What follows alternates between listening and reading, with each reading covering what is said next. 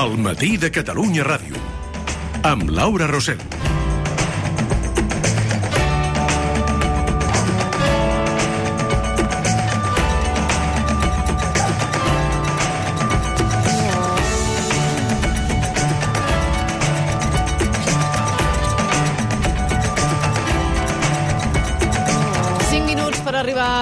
Les 9 del matí. Som enmig d'una recessió econòmica de la qual, segons eh, apunten tots els que hi entenen, en sortirem eh, lentament, molt més lentament de com hi hem entrat. Eh, L'atur va baixar al setembre, ho vam explicar la setmana passada, però no s'ha recuperat ni la meitat de l'ocupació que, es va perdre, que es va perdre des del mes de febrer. Com es pot reactivar l'economia en plena pandèmia? És el teletreball una de les eines que hi pot ajudar? Què necessiten les empreses per sobreviure? De tot això en volem parlar a partir d'aquesta hora amb el president de la patronal de Foment del Treball, Josep Sánchez Llibre, que aquest estiu advertia que l'economia no aguantaria un segon confinament i bé, som de moment a les portes, o de fet ja amb un eh, segon confinament perimetral de la Comunitat de Madrid. Josep Sánchez Llibre, molt bon dia. Molt bon dia. Avui, precisament, que el govern espanyol reuneix patronals, sindicats, també els ambaixadors eh, de la Unió Europea per abordar aquesta recuperació econòmica que, que ha de ser tan, tan profunda i tan important, què n'espera d'aquest pla de recuperació que, que ha de presentar Pedro Sánchez? Bueno, d'entrada, el govern ja ha donat senyals positives en el sentit de reaccionar um, d'una manera objectiva, tal com han fet alguns països de la Unió Europea, incrementant el sostre de despesa mm. pels propers pressupostos de l'any 2021 i anunciant una política anticíclica, anticíclica des del punt de vista de posar més recursos sobre la taula per eh, incrementar o alimentar plans de xocs per diferents sectors de l'economia espanyola que estan en una situació delicada. O sigui, nosaltres des de Foment, el mes de març, ja vam fer una crida a la Unió Europea vam enviar una carta a la Merkel, vam enviar una carta als, als, als, als, jo diria, als mandataris europeus amb el sentit de que nosaltres enteníem de que es havien de posar en marxa els eurobonos famosos, que finalment no han estat els eurobonos, però sí han estat doncs, eh, aquests, aquests fons de recuperació que vindran als diferents estats de la Unió Europea. També vam anunciar nosaltres, perquè ens la veiem venir a sobre, que era necessari que l'estat espanyol doncs, donés per perdut l'any 2020. L'any 2020 està perdut econòmicament, hi haurà dèficit públic uh -huh. important, hi haurà una caiguda de l'economia important, hi haurà un increment de deute pública i que era necessari posar diners sobre la taula que anessin directament a, la, a les venes de les empreses doncs, per poder suportar la crisi. S'han posat sobre la taula alguns elements interessants, importants, com han estat els ERTOs, que això mm. ha possibilitat que les companyies no tanquessin, s'han posat sobre la taula els avals dels ICOs, que les empreses han tingut liquiditat per poder fer front a les despeses mínimes, però encara falta molt més que posi l'Estat sobre la taula, com han fet els francesos, els italians o els alemans, de posar di diners frescos en vena a les companyies per poder aguantar una situació que serà lenta, que serà complicada, però que si no ho fem així, doncs difícilment podrem sortir-nos airiosos d'aquesta situació. Ara entrarem punt per punt, per punt eh? anirem per parts, però si eh, els empresaris ja feien aquesta crida el mes de març, i ara ens trobem al mes d'octubre plantejant el pla. Estem arribant a temps? Està arribant a temps tot aquest paquet de mesures o està fent tard? No, estem arribant a temps perquè és veritat que l'Estat hagués pogut estar més generós l'estat espanyol, uh -huh. amb plantejar eh, rebaixes d'impostos per determinades companyies, eh, plantejar més ajornaments d'impostos per a les empreses, com han fet eh, els francesos o els italians, o posant sobre la taula més diners en vena, això ho han fet, no ho han fet, però han fet altres coses, han fet els ERTOs, els avals, però jo penso que en aquests moments és important, doncs, per poder sortir d'aquesta situació delicada i tenint en compte que per vèncer la pandèmia probablement encara tardarem un any, doncs, home, preveure que perquè les companyies no tanquin, perquè hi ha sectors de l'economia catalana i espanyola que estan eh, realment delicats, el sector turístic, el sector d'hoteleria, el sector d'hostaleria, el sector de la restauració, el sector del comerç, el sector dels transports, i és clar, són sectors que avui estan facturant 0 euros cada mes. Això és molt, molt... és una situació delicada. I nosaltres el que fèiem era avançar, pronosticàvem totes aquestes situacions, ara el govern ha reaccionat tard, però encara hi som a temps. I aquí del que es tracta és de que totes aquestes mesures que es volen posar sobre la taula vagin directament i ràpidament en vena les empreses que ho necessiten. Altra cosa és aquests recursos de la Unió Europea que han de venir per l'economia catalana i espanyola, per transformar l'economia, per adequant-se a la nova economia que necessitaran aquests nous projectes industrials, que també hi, serem, hi som a temps, perquè encara no hi ha la reglamentació d'aquests recursos que han de venir. Però jo entenc de que són dues coses diferents. Una, els nous projectes, que amb això jo crec que estarem a l'altura i ja hi ha grans companyies a Catalunya i a Espanya que estan elaborant aquests projectes. Altres, la entrada en vena de recursos directament -huh. a les empreses de liquiditat via subvenció, via transferència, no via crèdit, per poder aguantar. I després hi ha una altra cosa que també m'agradaria deixar clar. Tots aquests recursos que han de venir de la Unió Europea, penso que des de Foment i almenys des de la nostra institució, que és la que jo puc parlar, farem també un esforç qualitatiu important perquè aquests recursos puguin arribar a les petites i mitjanes empreses, que jo crec que aquest és la gran, eh, qui de la, el, el gran element de l'equació de dir, escolti, ha d'arribar a les grans, evidentment, si arriba a les grans per un efecte tractor se'n manifestaran les petites, però també hem de buscar la via i el canal perquè vagin directament a les petites companyies. A les petites i mitjanes. És una oportunitat única per les empreses catalanes, aquesta de, dels fons europeus. Bueno, Quins tipus de, de projectes haurien de, de presentar-se, haurien d'aspirar a, a aquests fons? Bueno, eh, això està bastant reglamentat. Avui coneixerem, jo diria encara una miqueta més, les entranyes d'aquests plantejaments, però són projectes que han d'anar orientats a la digitalització de les companyies. O sigui, avui les petites, les grans, les mitjanes, els autònoms, els emprenedors necessiten digitalitzar-se i aquest serà un dels canals, jo diria, importants que podran arribar aquests recursos a les petites i a les mitjanes. Tots els efectes que estiguin relacionats amb la electrificació de la mobilitat i de l'automoció, aquest també és, una, és un projecte tractor importantíssim que ja hi ha companyies a l'estat espanyol que estan amb aquest, immersos en aquest procés, que és l'electrificació de la mobilitat, eh? tot el que representarà la posta en marxa dels cotxes elèctrics, tots aquests projectes que estan relacionats amb, els, amb el 5G, eh, que és la velocitat de l'internet, tots aquells projectes que estan relacionats amb tot el tema de sostenibilitat i transi trans transició energètica, i finalment hi ha un projecte que és transversal, que és la reindustrialització eh, de, de la nostra economia. Jo penso que a Catalunya hem tingut una tradició industrial de tota la vida, eh, mil·lenària, mm. eh, des de la perspectiva que sempre hem tingut una tendència o una projecció industrial molt important, jo penso que ara amb aquests fons és la gran oportunitat que tindrem per reindustrialitzar la nostra economia. I jo penso que a Catalunya ja estem molt per sobre de la mitjana espanyola respecte del PIB eh, respecte a la indústria, del PIB de la nostra economia respecte a la indústria, jo crec que estem al voltant, si no recordo malament, del 19-20%, a l'estat espanyol està al 15 al 16, jo penso que aquí hauríem de fer un esforç important de poder arribar al 25%.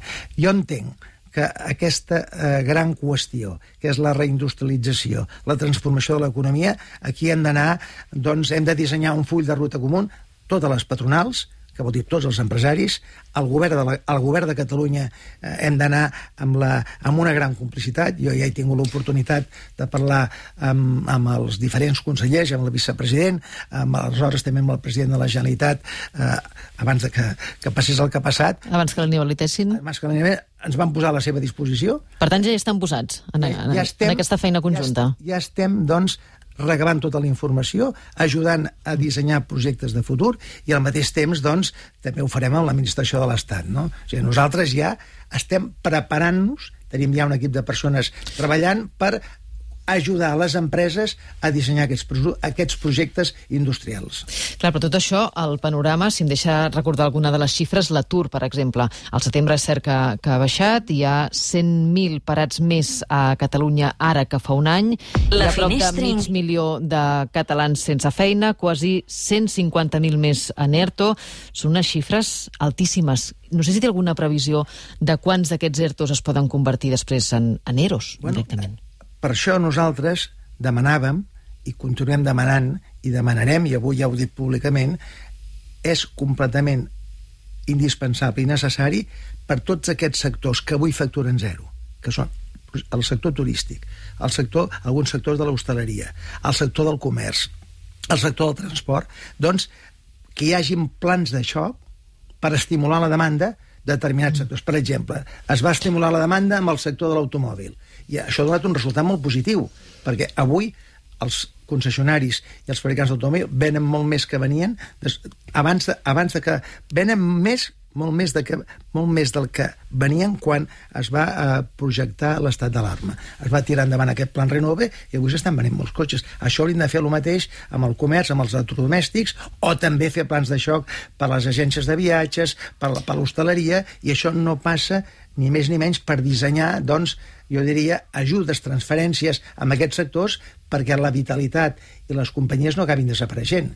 I això ens hem de eh, plantejar, estudiar-ho conjuntament i que l'Estat, sobretot, sigui conscient de que ha de gastar molts diners en aquests sectors via injectar-los directament a les companyies per evitar que tanquin i que totes aquestes persones vagin a l'atur, definitivament. Per tant, aquí es tracta d'estimular la demanda i intentar que aquests sectors no acabin morint i aquests certos s'acabin convertint en ells. Clar, però com s'estimula aquesta demanda relacionada, en, en aquest cas, no? amb, amb l'activitat turística, amb l'hostaleria, amb la restauració, en plena pandèmia?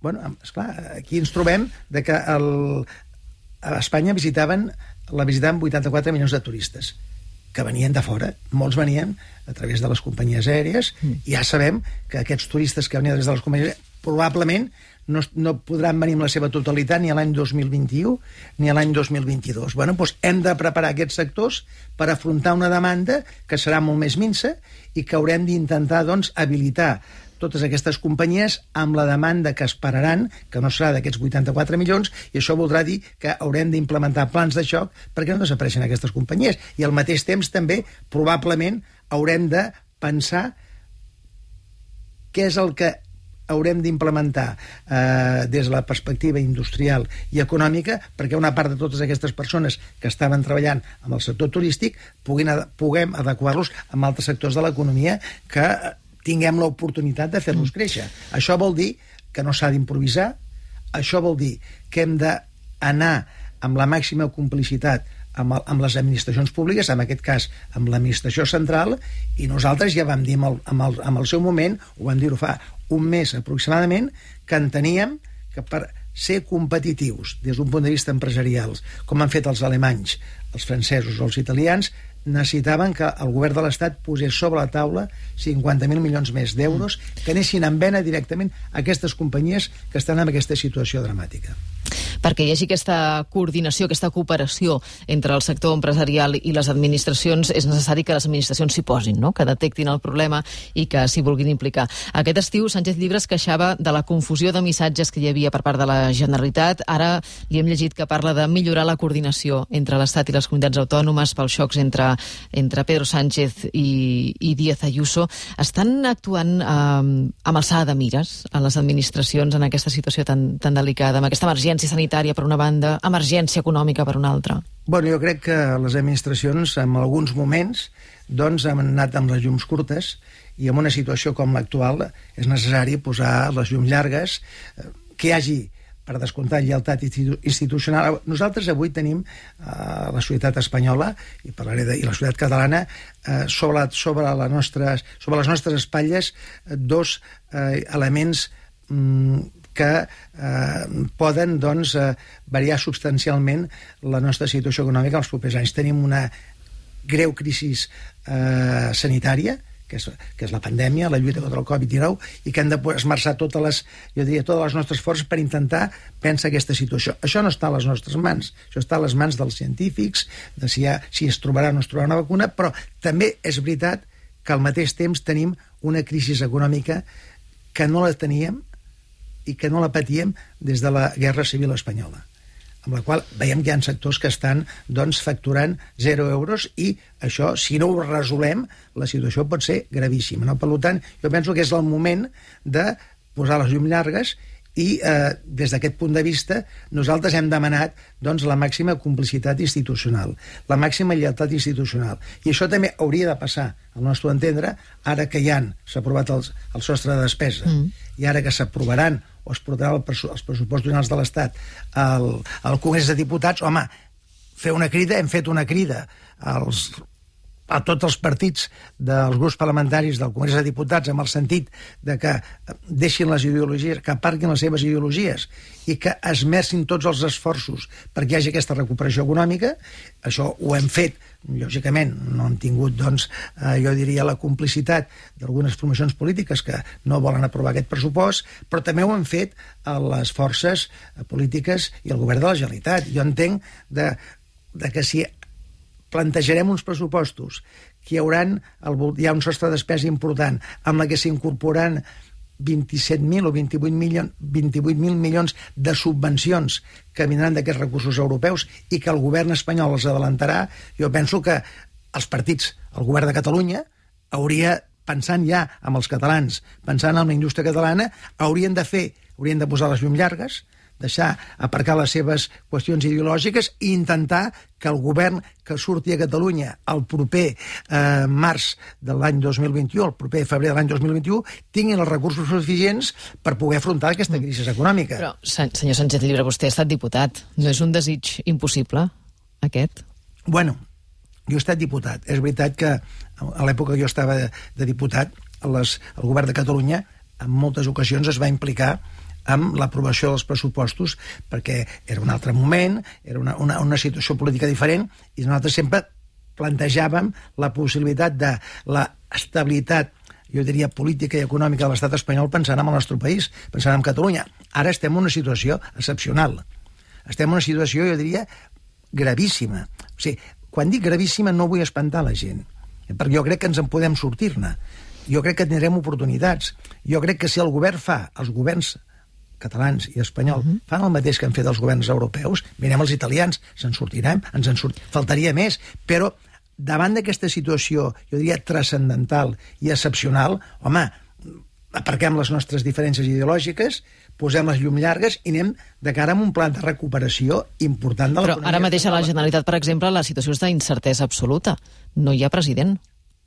Bueno, però hi ha un govern en funcions, hi ha uns grups parlamentaris a Madrid, jo la mateixa crida que fem pels partits de l'oposició a l'estat espanyol eh, la fem també als partits catalans jo he parlat amb els diferents grups parlamentaris catalans i els he dit, escolta'm, vosaltres feu el que vulgueu, faltaria més. Nosaltres som empresaris, no volem entrar en política, però necessitem d'aquests recursos. Necessitem guanyar a la crisi econòmica. Necessitem salvar ocupació. Jo penso que ja no es tracta de salvar empreses, que és el que probablement em correspondria dir com a president de la patronal. No, jo penso que aquí del que es tracta és salvar llocs de treball. Si salvem llocs de treball, salvarem les empreses. I que la situació és, és excepcional. La situació és crítica. Doncs, pues, home, fem un esforç, posem les llums, les, les llums llargues, han de vindre a l'estat espanyol i a Catalunya una pluja de milions que els necessitarem necessàriament per sortir d'aquesta situació, bueno, eh, posem-nos a treballar. I després d'aquí un any, cadascú que defensi el que hagi de defensar. Però ara sí que hem d'anar amb el mateix full de ruta. Com explica que Catalunya hagi deixat de ser el principal motor econòmic d'Espanya ja el 2019? Bueno, doncs aquí hi ha hagut una sèrie de factors eh, que probablement estan lligats al procés i que algunes companyies han traslladat els seus, les seves seus a altres interessos de l'estat espanyol, però bueno, jo crec que per mi això no és significatiu no és significatiu. Jo quan vaig entrar a Foment vaig dir, escolti'm, jo tinc 4 anys, tenim 4 anys de mandat, estic convençut de que quan hi hagi l'estabilitat eh, política i econòmica a Catalunya, doncs això ho podrem recuperar-ho. I han passat dos anys, és veritat que aquest, aquest, aquest eh, objectiu no l'he aconseguit, però jo penso que si eh, del govern que surti de les properes eleccions al Parlament de Catalunya, doncs jo crec que si aconseguim que hi hagi aquesta estabilitat política i econòmica, que això va una miqueta condicionada d'una cosa a l'altra, es pot recuperar el pes industrial i que Catalunya torni a ser la, la, la màquina de tren de, de, de, de l'economia espanyola. A mi que ho, ho haguem perdut conjunturalment durant un any no em preocupa. A més a més, és una pèrdua de dècimes. I a més, jo també dic una, una altra cosa.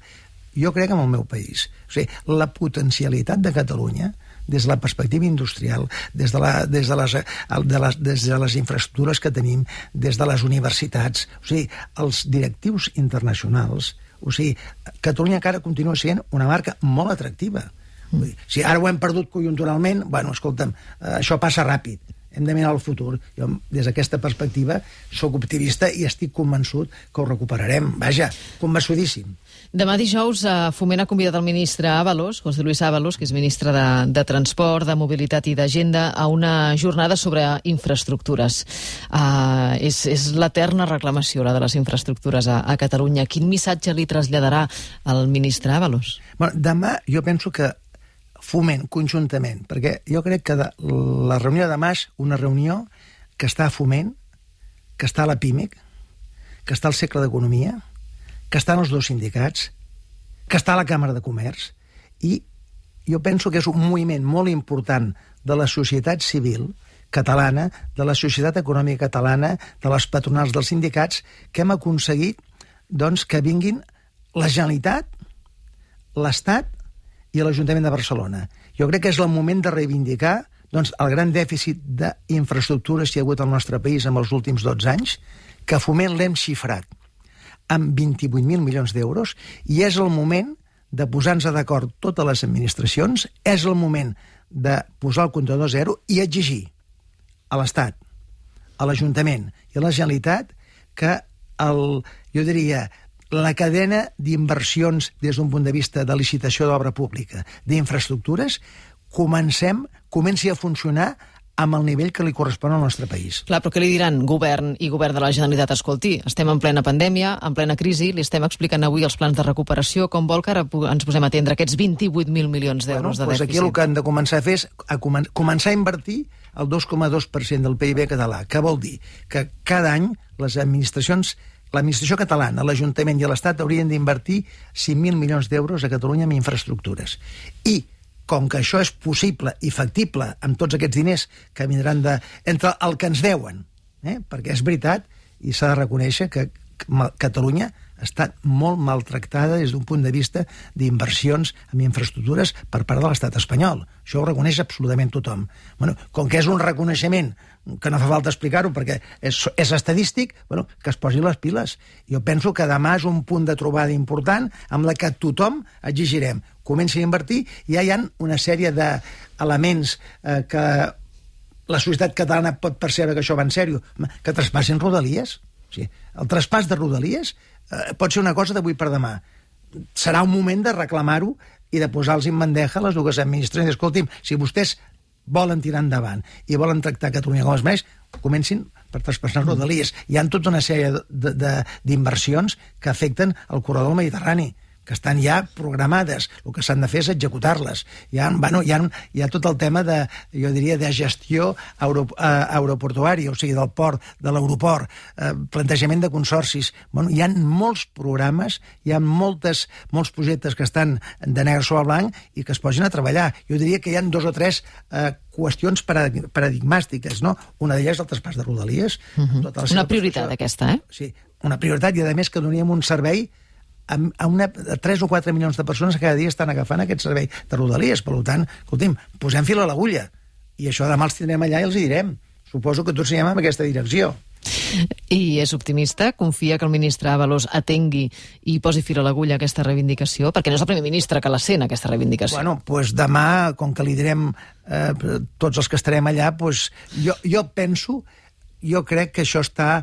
Eh, no ho sé, no sé què és el que diran, Penso també eh, que hi ha molt bona complicitat entre el conseller que, Damià Calvet i el, i el ministre Avalos i entenc que això és una de les prioritats del nostre país i estic convençut de que això és, és factible. I com pot perjudicar aquestes prioritats la inestabilitat política que tenim precisament en aquest país, eh, després eh, d'un any en què el, govern de coalició entre Junts i Esquerra ha trontollat des del principi, ara amb la inhabilitació del president Torra, la convocatòria electoral el 14 de febrer, per tant, eh, tranquil·lament podem arribar a la primavera encara sense govern. Una inestabilitat eh, política evident pot anar en contra de totes aquestes qüestions. Eh, ajudar no ajuda Ara, per això nosaltres sempre hem plantejat la, la, hem posat sobre la taula intentar que el principi de lleialtat constitucional institucional doncs, eh, eh, sigui evident entre les diferents administracions i aquí del que es tracta és de, malgrat que estem en un govern en funcions,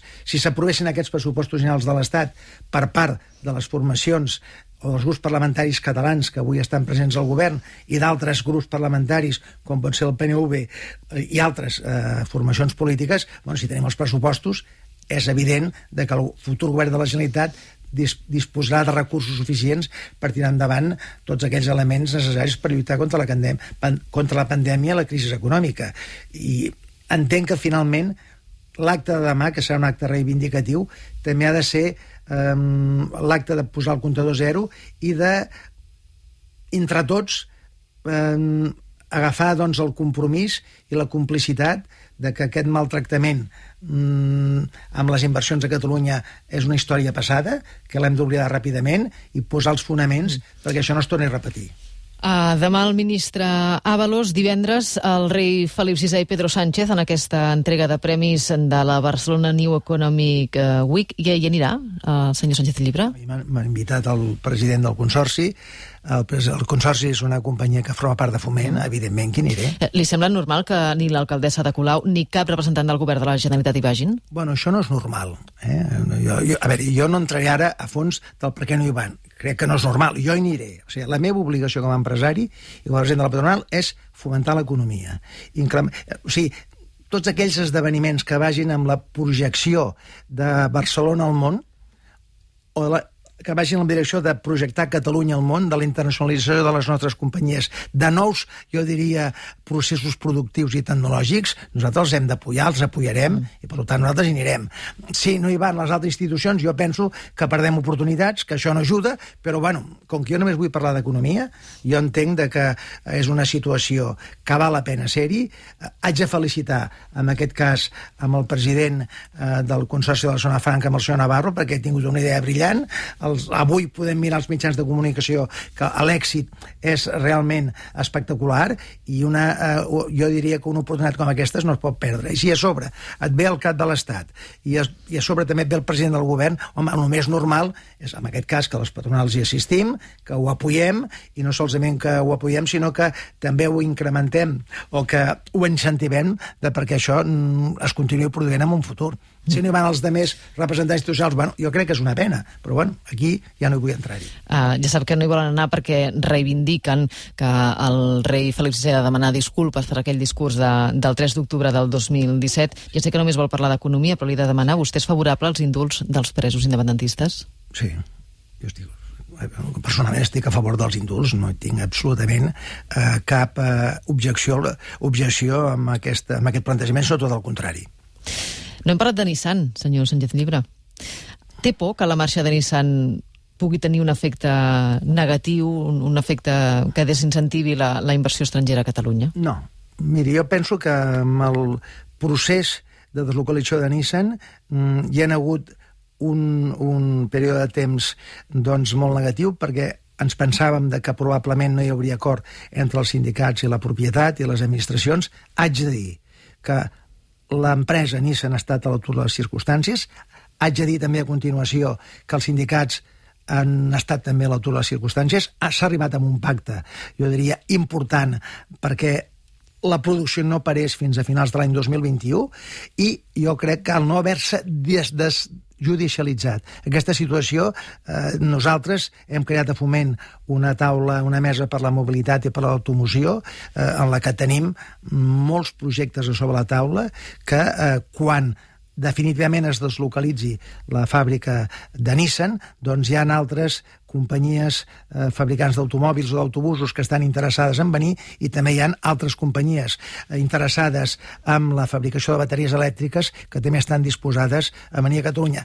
Jo li haig de dir, i, això, i per això jo li deia abans, que l'atracció de, mm, de que Catalunya, en aquest cas la zona franca, és un hub eh, automobilístic d'interès a nivell mundial, és veritat. O sigui, avui la zona franca jo diria que és un dels països més atractius o dels, dels terrenys més atractius perquè pugui continuar venint fabricants de l'automòbil. I la veritat és que sobre la taula nosaltres en tenim vàries, també ho té el govern de la Generalitat, ho té el govern de l'Estat, jo penso que hi ha una complicitat entre les tres, entre les dues administracions i nosaltres, totes les oportunitats nosaltres les passem, lògicament, perquè són, eh, jo diria, confidencials a les dues administracions pertinents i des d'aquest punt de vista jo sóc optimista. Eh? La Nissan marxarà, però estic convençut de que altres fabricants d'automòbils vindran a Catalunya i també estic convençut que també a Catalunya hi vindrà un fabricant de bateries elèctriques. Ah, està convençut vol dir que, que sap que passarà? Té la certesa que això passarà? Bueno, la certesa al 100% no es pot dir mai, però a sobre la taula hi ha molt de moviment, hi ha molt d'interès, contínuament nosaltres estem rebent eh, oportunitats per interessar-se eh, per la zona franca, vol dir que, en aquest cas, Barcelona és atractiu, que Barcelona, com a hub internacional de l'automòbil, té moltes possibilitats i vol dir que estem al mapa. El món de l'empresa, el món de la, de la indústria, van entendre el relleu d'Àngels Chacón per Ramon Tremosa? Bueno, aquí no hi tenim res a dir amb la Chacón, amb l'Àngel... No els va sobtar. Amb la conge... Ja, a mi ja no em sobta, a veure, ja no em sobta res políticament, eh?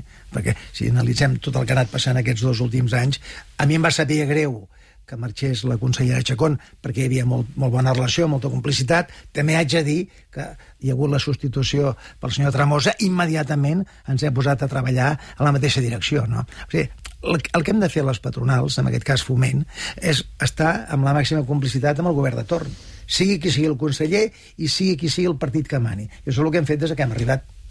Josep Sánchez Llibre, president de Foment del Treball, moltes gràcies. Que vagi molt bé demà amb el ministre. Moltes gràcies a vostès. Gràcies. Són les 9 i 25 minuts. Fem una pausa i obrim taula d'anàlisi.